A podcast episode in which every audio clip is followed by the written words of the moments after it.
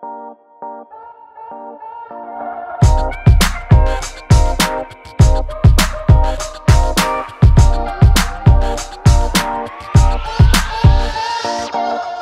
pagi, selamat siang, selamat sore, dan selamat malam uh, pada para pendengar setia Abastok. Uh, kita akhirnya take podcast lagi setelah sekian lama. Kemarin gua uh, komentator komentator di Bandung, sekarang di Jakarta, lagi di Mahaka juga. Vincent juga lagi kesibuk sibuk dengan kantornya masing-masing ya. Tapi kita tetap aktif ya Chen ya di Instagram ya. Betul, kita juga sudah mulai merambah ke TikTok ya. Iya, apa namanya Tik TikToknya Chen? TikToknya sama Abastok. Abastok ya. Gitu. Dan gue juga uh, udah mulai uh, upload di YouTube Short, jadi mulai teman-teman juga bisa subscribe juga di YouTube pelan-pelan kita mulai merambah ke semuanya lah gue. Betul. Dan sekarang ini tanggal 20 Juni. Uh, Juni. Ya, ini hari penentuan untuk uh, dua tim lagi yang tersisa untuk lolos ke playoff. Uh, Bali dan Borneo akhirnya mereka secure clinch hari ini uh, melengkapi enam tim lain yang udah lebih dulu lolos ke babak playoff musim ini. Coba bisa disebutin aja Chen? Siapa aja delapan timnya? Oke, delapan timnya yang pertama Satria Muda, Prawira Bandung, Pelita Jaya, Dewa United, Bima Perkasa, Transpik, Bumi Borneo, dan Bali United. Betul. Dan uh, kita juga udah sempat posting di Instagram hari ini uh, bahwa uh, di sisa game seri Jakarta ini hanya menentukan seeding ya posisi berapa yang akan didapatkan oleh kedelapan tim ini karena uh, di masing-masing uh, apa masing-masing bagian ya papan atas, papan tengah dan kedua tim terbawah ini masih bisa saling salib nih untuk menentukan yeah. uh, zona playoff ya di di IBL Tokopedia 2023 gitu. Ya mungkin ini Chen, gue kasih jadwal mungkin ya ini teman-teman yang lagi dengerin. Yeah. Uh, jadwalnya sebenarnya udah keluar di IBL untuk apa untuk playoff ya. Udah ada jadwalnya, hmm. cuma tapi belum ditentukan siapa aja yang bermain di hari itu karena memang seedingnya ini masih cukup ketat nih, Chen. Kemungkinan sampai akhir nih, sampai hari Minggu, hari Sabtu nanti ya, baru masih kawan. bisa berubah ya. Sangat masih bisa berubah ya. Nanti nanti mungkin betul, dibacain betul. sama Vincent ya. Uh, jumlah menangnya aja kali ya nanti ya, sama jumlah laganya berapa. Uh, bentar, bentar, sebentar. Nah ini. Jadi yang jelas adalah uh, nantinya bakal dibagi dua minggu, jadi minggu pertama tanggal 30 Juni itu akan ada pertandingan antara peringkat 5 versus peringkat 4. Dan juga hmm. peringkat 3 versus peringkat 6. Jadi peringkat 1 versus 7, eh 1 sama 1 versus 8 dan 2 versus 8 itu di minggu depannya, which is di tanggal 7. 7. Okay. Ya, jadi kita akan mengetahui dulu nih nanti siapa uh, yang akan bermain peringkat 4 5 itu tanggal 30 Juni. Uh, game keduanya akan di tanggal 2 Juli dan kalau diperlukan game ketiganya di tanggal 3 Juli. Jadi sekali lagi okay. uh, eh, kalian nanti bisa lihat di Instagram IBL ya. Pokoknya seeding 4 dan 5 akan bermain uh, sama dengan seeding 3 dan 6 waktunya ya. Gitu. Oke. Okay. Kita langsung ke pembahasan ya Chen. Hari ini dua tim uh, Bali dan Borneo ya Chen udah memasukkan diri lolos ke playoff ya jelas bukan sesuatu hal yang mudah ya tentunya untuk uh, Bali juga yang sempat terseok-seok ya di awal musim ini lu ngeliat lu ngeliatnya gimana Chen untuk Bali ya di abis All Star break ini ya? Hmm, kalau boleh jujur sih gue dari mungkin gue tarik ke belakang lagi ya sebelum si All Star game ini. Agak kurang agak pesimis gue sih jujurnya dengan Bali United ya. Kita juga pernah bahas sebelumnya soal yeah. si Bali United ini karena uh, mereka sempat clash juga bara, uh, antara si Lowhorn dengan uh, tim ya? sang pelatih dan dengan dengan timnya juga agak kurang bagus gitu. Tapi uh, semakin sini apalagi setelah setelah si All Star Game ini All Star All Star Week uh, mereka juga bisa bisa menampilkan performa yang cukup konsisten sih gue melihat dari pemain lokalnya juga tetap fighting ya apalagi dari seniornya uh, seperti dari Bima Rizky sama uh, itu Hardy juga. Itu dan itu juga uh, konsisten ya cukup konsisten untuk mengangkat si Bali United ini. Jadi menurut gue Bali United uh, after play uh, after si All Star Game ini jadi salah satu tim yang cukup underrated tapi dia bisa bisa akhirnya survive gitu di playoff ini sih itu sih kalau gue dari Bali United Iya, ya mungkin gue tambahin ya kalau dari pandangan gue uh, meledaknya Julius Bowie ya itu salah satu hal yang Ya, uh, mungkin jadi titik balik juga dari Bali United ya. Uh, mungkin betul. juga tahu ya Bowie di sebelum All Star break jadi salah satu pemain yang paling quiet ya, nggak banyak omong kayaknya gitu. Tapi setelah All Star break kayaknya ada sesuatu hal yang diberikan ke Julius Bowie sehingga dia bisa ngomong tim ini dengan lebih baik gitu. Ya, Jadi mainnya lebih betul. keluar juga gitu. Jadi lebih enak lah lihat Bali bermain gitu ya. Dan cukup Mhm. menariknya adalah eh, kita belum tahu nih Bali akan lawan siapa ya di eh, playoff nanti. Kemungkinan Ya, tiga besar ini kan masih bisa yang di atas ya, Prawira, SM dan PJ gitu akan ya. bertemu Bali sangat besar gitu ke- kemungkinannya dan gue yakin ya, gue yakin tiga tim itu sih kalau bisa menghindari Bali sih mereka akan menghindar di first round ya karena secara materi Mhm. squad gue rasa memang Bali ini gak kalah sih sebenarnya dengan eh, tiga tim di atas itu ya cuma memang secara momentum aja eh, Bali ini kan baru dapetnya setelah All Star break aja gitu. Ya, itu dia. Memang eh, intinya konsistensi dari si Bali ini yang harus dipertahankan ya. Kalau misalkan dia mau bisa lolos ke eh, di fase-fase selanjutnya di playoff sih. Betul betul. Dan ini ini mungkin nyambung ke Borneo langsung ya. Eh, Borneo dan Ya, Bali ini adalah dua tim yang mungkin eh, secara jadwal ya, secara jadwal tuh eh apa ya bisa saling bisa saling apa ya, menjawab keraguan dari masyarakat itu Bali itu di awal musim itu sangat berat sekali jadwalnya ya. Jadinya dia hmm, lawan PJ, SM, Dewa tuh udah dihabisin di awal tuh. Jadi di akhir-akhir musim ini mereka udah ketemunya yang sebenarnya secara momentum dan secara kelas ada di bawah mereka dan mereka bisa sapu bersih gitu. Nah Borneo eh, kebalikannya justru Borneo di sebelum All Star break mereka dapat jadwal yang enak banget Cen. Jadi dia ngumpulin ya. kemenangan, ngumpulin kemenangan tuh di awal. Kan di Bali dia Hmm, sapu bersih 4-0 ya. Jadi untuk ke sananya tuh ya, lebih enak gitu bahkan Borneo tuh jadi satu-satunya tim mungkin di setelah di bawah Rans ya yang nggak pernah rekornya tuh minus jadi rekornya yang paling minimal tuh sama kayak kemarin 13-13 eh, 10-10 gitu. Karena memang jadwalnya di awal enak gitu. Jadi untuk ke sininya ketemu jadwal yang berat mereka ya no worries karena eh, mereka udah ngumpulin kemenangan di awal gitu. Nah, itu mungkin eh, gue nyambung ke Borneo langsung ya. Ya Borneo akhirnya benar-benar.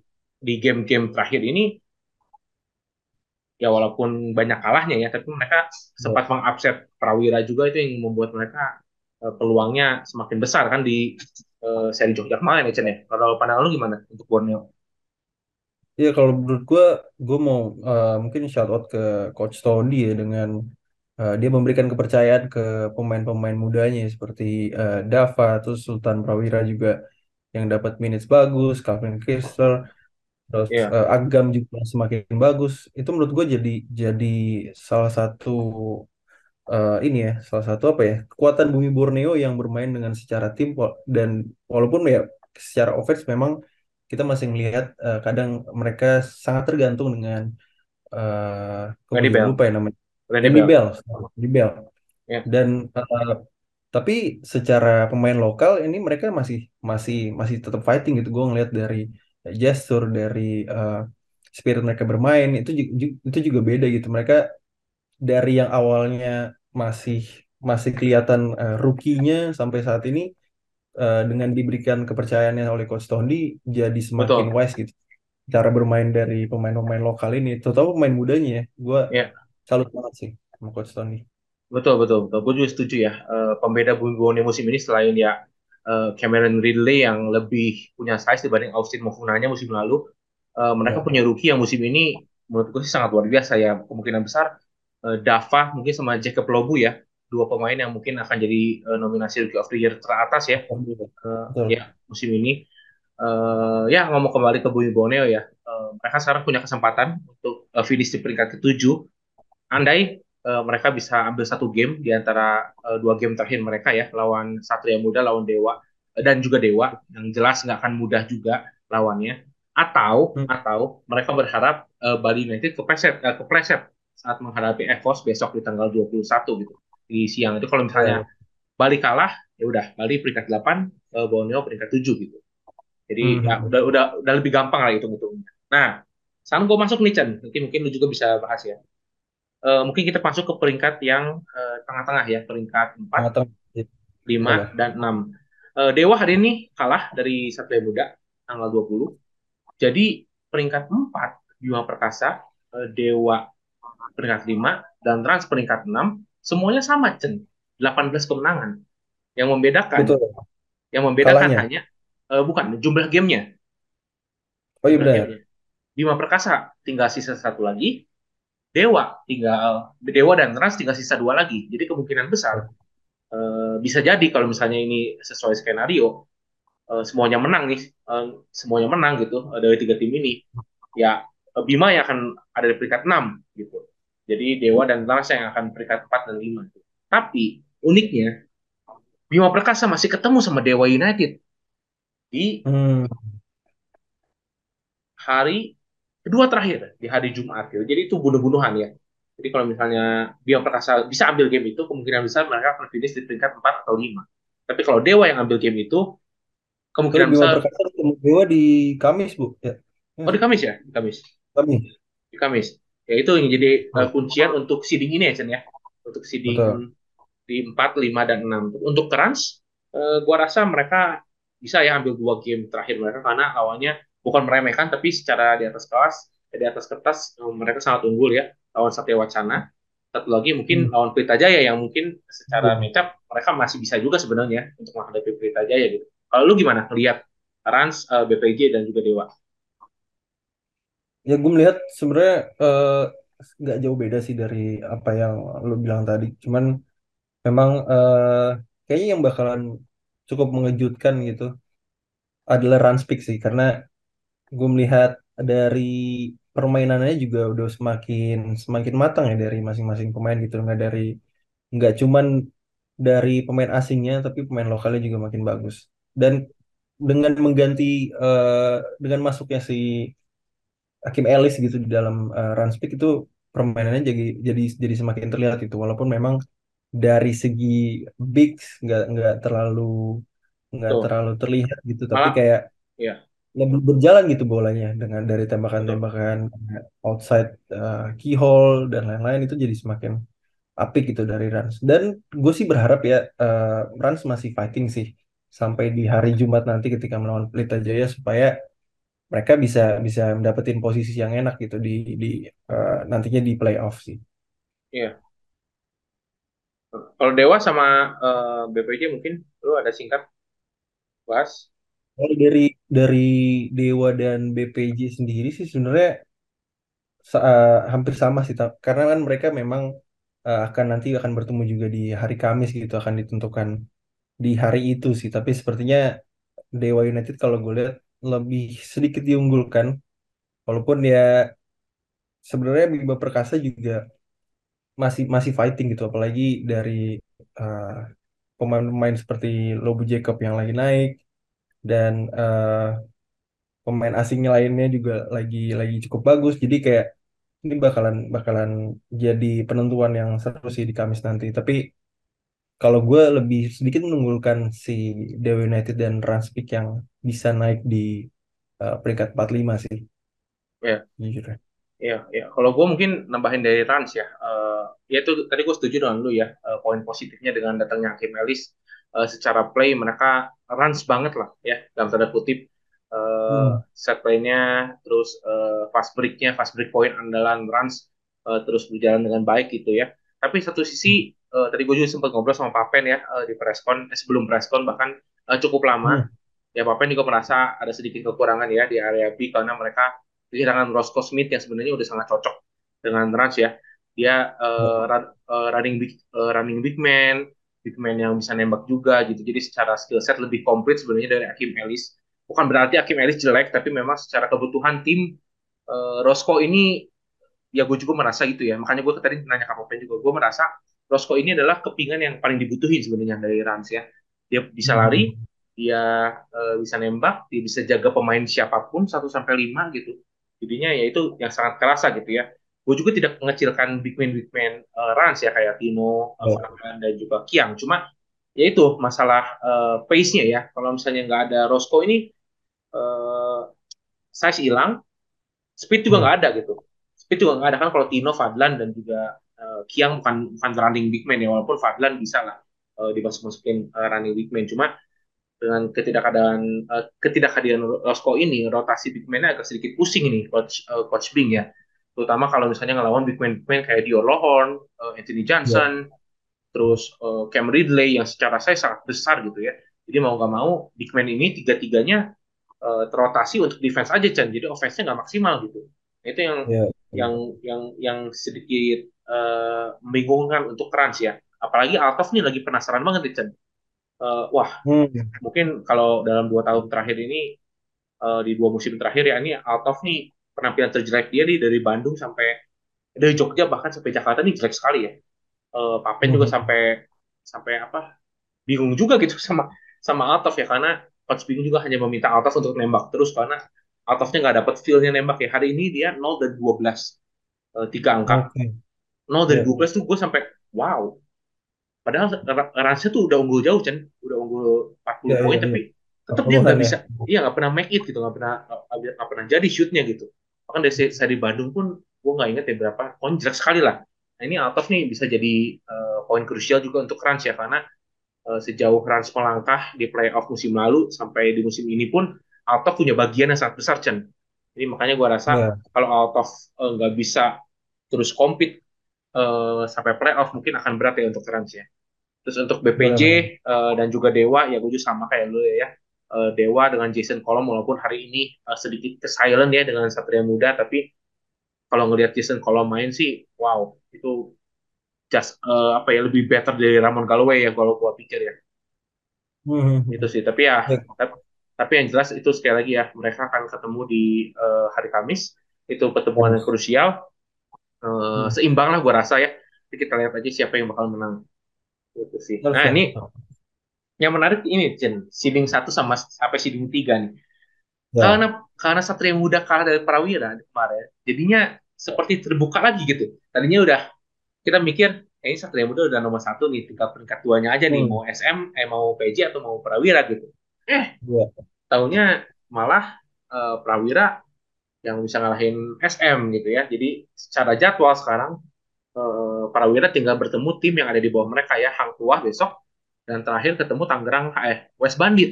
Dan secara momentum Betul. ya jelas eh, mereka ada di kubu Prawira gitu. Sedangkan SMPJ akan lawanan nih di hari terakhir hari Sabtu. Jadi kalau Prawira bisa saku bersih di dua laga terakhir dan Ya. PJ bisa menang lawan SM, ketiganya punya jumlah kemenangan dan kekalahan yang sama, Chan. Nah, itu seru tuh, Chan. Itu Betul, seru. betul. Seru banget sih. Ya, coba lu lu mungkin apa ada eh, bahas PJSM kali ya untuk untuk nanti yang krusial kan PJSM ya. Kalau dari lu pribadi gimana nih Chan, ngelihat dua tim ini yang mungkin nanti akan bertemu di bukan mungkin sih, pasti akan bertemu di hari Minggu, hari Sabtu nanti. Tanggal 23 ya. Nah, pastinya Satria Muda akan berbenah sih dengan dari kekalahan melawan Prawira Bandung kemarin. Dan eh, PJ juga juga pastinya bakalan bakalan kasih kasih perlawanan yang eh, nggak gampang gitu buat Satria Muda. Karena gue melihat dari kedua tim ini yang sudah jadi eh, rival di beberapa tahun ke belakang sama-sama punya gengsi gitu kalau main di Jakarta gitu. Apalagi Satria Muda yang bermain istilahnya di kandang lah ya.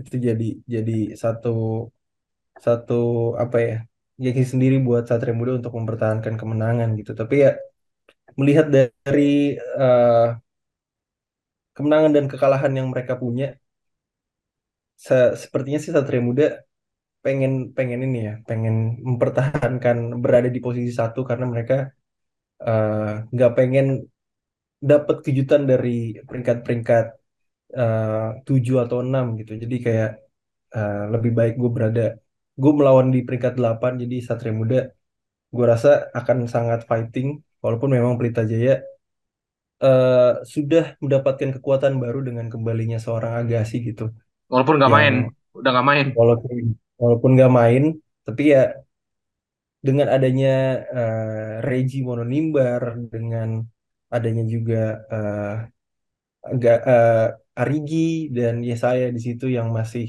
cukup konsisten sejauh ini gue melihat eh, ini akan menjadi pertandingan yang cukup seru ya di hari Kamis nanti agak Eh, sulit Sabtu, Sabtu, buat Sabtu. gue.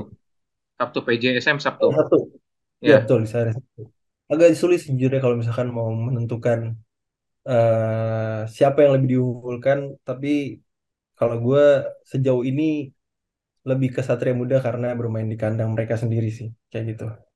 Iya, Kalau gue iya, seperti itu buat betul. eh, game PJSM. Kalau lu gimana? Iya, kalau PJSM ini kita ngomongin jadwal ya. PJSM, eh, SM masih lawan Bumi Borneo besok di game eh, kedua terakhir mereka. Eh, walaupun Bumi Borneo sekarang udah di posisi playoff, tapi secara di, di atas kertas ya, P- SM harusnya bisa unggul. Eh, sedangkan PJ, Harusnya. eh, tadi gue udah sempat singgung juga bakal la- lawan Rans eh, di nggak tahu hari Jumat, nggak tahu hari Kamis ya. Ya, pokoknya di antara dua hari itu. Tapi yang jelas ini PJ lebih berat secara jadwal gua gua rasa ya dibanding SM yang melawan Bumi Borneo sekali lagi bukan meremehkan tapi secara di atas kertas eh, memang eh, SM unggul dari Bumi Borneo sedangkan untuk PJ nah ini yang yang menarik ya PJ ini kan eh, skuadnya juga sebenarnya nggak terlalu berbeda jauh sama Rans ya. Eh, Dom Sutton ini big, tapi secara size tidak big gitu, Chen. Jadi untuk dijaga Hakim Ellis pun menurutku pribadi ya, menurutku pribadi nggak masalah. Ap- Apalagi dia punya Tino dan Fadlan ya, yang bisa menjaga seorang Sutton yang, yang secara postur nggak terlalu tinggi juga, nggak beda jauh lah sama Dior, sama Anthony Johnson, sama Cam Ridley gitu. Tapi ya, yang jelas eh, dia punya pace yang melebihi big man big man yang tadi gue sebutin ya ya gue rasa Rans bisa mengimbangi itu. Makanya gue bilang kenapa PJ yang punya jadwal lebih berat karena memang secara matchup PJ ini sama Rans kurang lebih sama nih matchupnya lebih pas gitu. Kalau Borneo Borneo tuh kurang pas sama SM gitu. Borneo tuh lebih cocok eh, ketemunya kayak tim-tim kayak modelan eh, PJ gitu. Yang size-nya nggak terlalu tinggi gitu. Kalau SM kan terlalu tinggi ya eh, secara size ya. Wingspan eh, panjang gitu kan. Apalagi dia, dia punya center punya pemain asing dua-duanya pemain eh, pemain big gitu kan. Jadi Borneo ya mungkin secara matchup kurang pas gitu ya. Tapi ya itu di atas kertas saja kita nggak tahu ya. Besok tiba- tiba-tiba Borneo ngalahin Satria Muda kan ya nggak tahu juga gitu kan ya. Tapi yang jelas eh, untuk pertemuan Sabtu nanti kalau PJ mau menang eh, mereka harus punya persentase field goal yang bagus itu pasti. Yang kedua adalah memanfaatkan ini para big-bignya SM yang lagi nggak enak banget nggak enak banget mainnya ya hari ini Ilai 16 poin itu juga bukan bukan Ilai banget lah poin-poinnya ya. Agak sulit eh, melihat Ilai setelah cedera ya after eh, All Star break. Kayak nggak kayak nggak lepas gitu ya mainnya. Kemarin lawan Prawira cuma 4 poin just four points untuk seorang Ilaiah Foster gitu ya. Rhys Jackson Hmm. ya hampir da- hampir double digit terus tapi poin-poinnya juga poin-poin dalam tanda kutip bola nemu gitu ya. Bukan bukan big man yang sebenarnya dibutuhkan sebenarnya untuk satria muda gitu ya tapi untuk kalau gue pribadi gue beda sih dari dia gue gue sih lebih unggulin PJ ya untuk dari sisi momentum ya karena hari ini sebenarnya mereka juga jelek banget mainnya di first half ya untungnya dewanya dewanya di di paruh keduanya justru ngedrop ya akhirnya mereka bisa taking over eh, game tadi gitu ya kalau gue PJ ya, Hmm. mungkin kalau dari lihat, apalagi Pras ya, Pras sudah balik itu tadi main cuma Betul. 12 main cuma 12 menit 11 poin. Come on. Plus poin. Iya, itu dia udah lama nggak main gitu ya. Ya Prastawa, still Prastawa gitu ya. Sandi lagi bau-baunya. Uh, kalau lu lihat SM sih, berapa kali nonton SM gue sampai amazed gitu ya. Oh, ini Satria Muda bisa begini juga gitu, Cen. Sampai kayak gitu gitu. Hmm.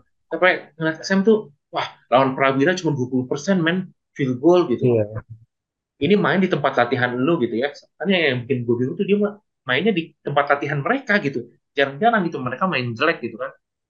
Ya untungnya mereka hari ini berhasil menang dan ya kita lihat let's see ya minggu eh Sabtu nanti eh, PJ atau. SM yang bakal menang. Dan yang jelas kalau PJ menang, wah hitung-hitungannya bakal seru tuh. Karena semua tim kecuali Pelita Jaya dan Prawira ya. Kalau PJ dan Prawira kan head to headnya 2-0 ya. Prawira menang 2-0. eh, PJSM satu Prawira SM satu gitu. Itu hitung-hitungannya akan sedikit eh, sedikit berat tuh di SM sama Prawira ya. Kalau PJ mungkin nanti menang, ya mereka akan tetap di bawah Prawira terus ya selama poinnya sama ya. Karena head to headnya Iya, kalah kan mereka ya. betul, betul. Gitu. Menarik, menarik. Tapi ya Menarik sih. eh, secara keseluruhan mungkin ya gue pengen bilang eh, IBL nih makin seru sih, Bu. Lu Betul, apakah berpendapat yang sama ya? betul. Tapi karena gue- mungkin bukan karena overtime sudah 13 kali, tapi memang gue melihat kualitas gamenya juga semakin bagus sih. Ya. Dan Dari pemain asing juga Chen. Bagus-bagus. bawah dan peringkat atas betul dan pemain asing juga eh, dengan komposisi yang seperti ini gitu dengan dengan eh, masing-masing satu di eh masing-masing ya satu tim satu di di lapangan itu jadi buat pemain lokalnya juga semakin bagus sih kalau gue melihatnya. Gue harap ya ini juga bisa dilanjutkan oleh IBL gitu buat eh, tren yang bagus buat si IBL gitu dengan kompetisi yang semakin sengit, jadi persaingannya juga semakin eh, bagus antar pemain, antar eh, tim. Jadi gua harap sih bisa berdampak ke tim nasionalnya juga ya pastinya. Betul, betul, betul. Eh, jadi memang di musim ini ya mungkin ya, eh gue gue takutnya bias sih, karena kan gue cukup terlibat ya di dalam. Cuma ya kalau lu merasa hal seperti itu, gue juga ya berarti sama ya apa yang gue rasakan gitu. Karena musim ini Hmm, jelas ya eh, import playernya bagus-bagus ya, itu yang membuat mungkin ya mungkin eh, lokalnya juga ikut kebantu ya. Semakin levelnya Iya, tuh semakin meningkat gitu loh, Chen. Em, secara nggak langsung ya tim-tim dari bawah sampai atas gitu ya. Iya, kita ngomong EVOS lah. Let- Let's say kita ngomong EVOS ya. EVOS kan pemain Hmm, asingnya ya boleh dibilang dari tahun lalu sama tahun sekarang ya tahun sekarang jauh lebih better ya. David Hay dan Andre Jackson ya. Lihatlah iya, lu pemain kayak Hendra Tio jadi kayak kesetanan, Dani Kristianto sama Cio jadi kayak lahir kembali gitu ya. Berkat David iya. Hay, berkat coaching staffnya juga merasa cocok dengan pemain asingnya jadi secara rotasi lebih enak gitu ya.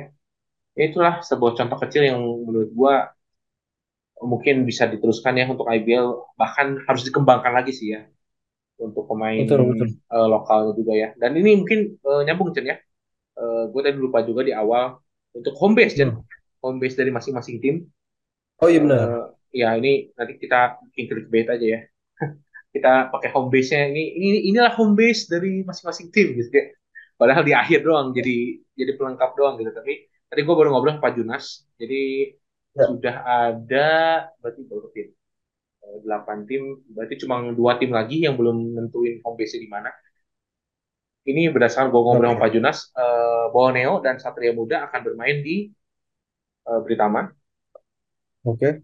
Lalu Pelita Jaya akan bermain di mana? Brojonegoro, Sumantri. Mantri, oke. Ya, Eh, Bali ber- akan bermain di Bali yang kayak kemarin di seri Bali ya. Itu udah, udah fix. Mantap. Eh, Bandung di Gor Citra Arena. Hmm, Terus eh, Jogja. Jogja ini eh, tetap di Jogja, cuma bukan Amung Rogo. Kemarin katanya Bima Perkasa Jogja ngasih usulan di gornya UGM. Oke, di gornya UGM. oke. Tapi itu butuh eh, butuh konfirmasi. Tapi yang jelas nggak akan di Amung Rogo. Kalau nggak di UGM, UNY. Jadi dua itu di Jogja. Hmm, Eh, untuk apa lagi berarti? Untuk Trans sama Dewa, mereka akan kolaborasi. Entah di mana gornya, tapi yang jelas eh, di daerah Tangerang. Gua kira yang di gornya DBL tuh apa Cen? Yang di daerah Tangerang tuh dekat eh, Jus Kode yang zaman dulu tuh di dekat Pasar Lama tuh. Oh, Dimyati. Ah, gua ya gua gua tadi nangkapnya di situ ya, karena kan sendiri pakai DBL ya di Cen. Sering sih, cuman agak tribunnya kurang banyak sih. Hmm, ya. Tapi tadi gue dengar, eh, gue gue takutnya salah dengar ya. Jadi gue malah nggak akan sebutin dulu. Tapi yang jelas di kota Tangerang dia lagi cari-cari. Tadinya mau coba Hmm. Istora, eh bukan Istora apa tuh? Eh, Hall A, Hall A. Tapi Oh, nyewanya kemahalan. Nyewanya kemahalan jadi kayaknya enggak. Tapi makanya ini Ran sama Dewa ini masih eh, mungkin masih nyari-nyari ya. Feeling gue sih mungkin masih nyari-nyari. ya, Ya ya, tapi ya. mereka harus eh, ini ya memberikan keputusan secepat mungkin karena kan mereka ada di peringkat 45 dan 36 ya pasti mereka kan main duluan gitu ya. Jadi mau nggak mau Ya, mereka akan eh, akan mengumumkan announce di akhir pekan ini mungkin setelah beres dari Jakarta ya. Di akhir pekan ini mereka akan mengumumkan karena minggu depannya langsung main ya eh, di playoff. Iya, Betul. Ya, Oke, menarik sih dari home away-nya juga gue melihat ada ada semacam tendensi yang mulai dibangun gitu dari masing-masing tim ibu kota dan tim-tim kota-kota besar lainnya gitu. Jadi kayak semoga ba- makin banyak pendukungnya juga di di setiap kota gitu. Jadi wah, makin seru sih ya pastinya. ya ini ngomongin pendukung ya Chen ya, ngomongin pendukung ya. gue selain gamenya dan pemain asingnya dan juga eh, para pemain lokalnya makin bagus, ini base pendukungnya gue rasa eh, semakin ya. iya kayak Hang Tuah ya siapa yang dulu dukung Hang Tuah siapa sih Chen gitu. Sekarang Iya, iya. mereka punya komunitas namanya eh, Jagoan Kebayoran Baru gitu. Jadi setiap Hang Tuah main Hmm. banyak banget yang nonton gitu. Gue juga sampai bingung gitu. Ini hebat gitu. Hmm. mereka tuh kompak gitu ya. Bukan orangnya tuh nggak ganti-ganti Chen ya dia lagi dia lagi gitu. Jadi otomatis kan ya mereka demen gitu sama tim ini gitu. Terus Borneo Iya. ya. Borneo jauh dari mana-mana tapi ya, ya banyak aja tuh yang nonton gitu. Setiap eh, mereka main gitu kan walaupun gak diorganize tapi ya datang banyak aja gitu. Terus iya. Bali. Bali makin ke sini oh, makin fanatismenya luar biasa. Kayak lu lihat di kolom komentar. Betul. wah mungkin Bali kalah sedikit. Udah pemain-pemainnya udah diejek-ejekin kayak kayak kayak main di sepak bola gitu kan Cen. Ya sampai segitunya Hmm. gitu. Itu kan berarti kan eh, sentimennya udah mulai ada gitu ya. Itu yang menurut gua eh, kalau dikembangin lagi sih bagus ya. Wow. Ini sih emes banget ya untuk eh, IBL musim ini. Dan ini info juga tambahan mungkin untuk Louis ya kenapa nggak main di Pontianak. Gue lupa sampai juga. Eh, Hmm. ternyata IBL tuh udah ke sana sama Ali Budi Mansyah tadi gue juga ngobrol sama Coach Eh, Hmm. jadi di Pontianak itu memang banyak sekali ya bornya eh, yang sebenarnya kalau direnov itu layak tapi memang Hmm. untuk eh, level IBL belum ya. Jadi untuk teman-teman di Pontianak nih yang lagi dengerin untuk level IBL belum karena apa? Karena IBL kan butuh satu eh, banyak ruang untuk entertainment. Yang kedua broadcaster. Ya kan banyaklah hal yang secara teknis harus dilengkapi dari dari sebuah stadion atau gor gitu ya. Nah di Pontianak itu Betul. kebanyakan gor-gornya tuh yang model-modelan apa ya kan kalau di Jakarta tuh ya eh di Tangerang ya. Bergor sekolah lah ya. ya kayak gor-gor sekolah lah. Kayak gor-gor sekolah yang kalau ada tribun juga paling cuma 2 sampai 3 row gitu ya itu jelas Iya, kalau untuk level IBL kayaknya belum gitu ya. Makanya untuk teman. Pontianak jangan kecil hati jangan mengira Borneo tuh bukan dari Pontianak bukan. Tapi memang kalau lolos verifikasi guys gitu. Iya, itu gue dapat info dari Coach AB ya. Jadi eh, A1 lah A1 Betul, betul. Ya, semoga ada inilah ya, ada ada pembenahan lah ya di uh, Pontianaknya gitu ya. Jadi, ya ini ini juga eh, ini ya buat eh, bahkan buat tim-tim lain sih menurut gue untuk eh, Hang Tua. Kan Hang Tua sebenarnya udah punya kandang sendiri ya cuma nggak punya ini aja nggak punya standar sama kayak di Borneo gitu nggak punya buat Mhm. kompetisi gitu. Ini buat buat tim-tim lain ya. Coba dari sekarang gitu ya. Kalau investornya dapat dimulai mulai dibangun lah gitu. Minimal ya, direnov aja direnov gitu kayak yang waktu di eh, Semarang tuh. Di Gor Nights itu kan betul. jadi layak gitu ya. Jadi wah kalau setiap kota atau setiap minimal tim-tim IBL eh, punya satu stadion aja yang layak itu setiap tim wah bakal lebih gila lagi sih Iya, benar. Iya, makin seru ya di setiap-tiap kotanya. betul dan sebelum kita tutup eh, episode ini kita tunggu aja ya eh, award award nih gue tadi baru nanya juga ke pihak Hmm. IBL kapan akan diumumkan katanya mungkin akhir dari saya Jakarta akan eh, keluar nominasi-nominasinya. Itu mungkin kita akan bahas ya Ya, di kalau udah keluar ya Chen ya nominasinya ya. boleh. Pasti ya, pasti. Itu menarik juga tuh untuk kita Oke. bahas ya. Oke, ini eh, sekali lagi thank you yang udah dengerin. Ini besok besok atau besok malam ya naiknya Chen ya? Ya, boleh. Ya besok malam ya. Langsung aja. Ya tanggal 21. Jadi teman-teman thank you yang udah dengerin. Eh, stay tune terus di Abastalk dan thank you juga udah 10k di Instagram setelah Nah, berapa tahun Chen? Dua ya? Eh, setelah tiga tahun. tiga tahun. Tiga tahun. Tiga tahun. Start 2020. Oke, thank you semua. Mantap. Sampai, sampai ketemu lagi di episode selanjutnya. Bye. Bye. Thank you. Bye.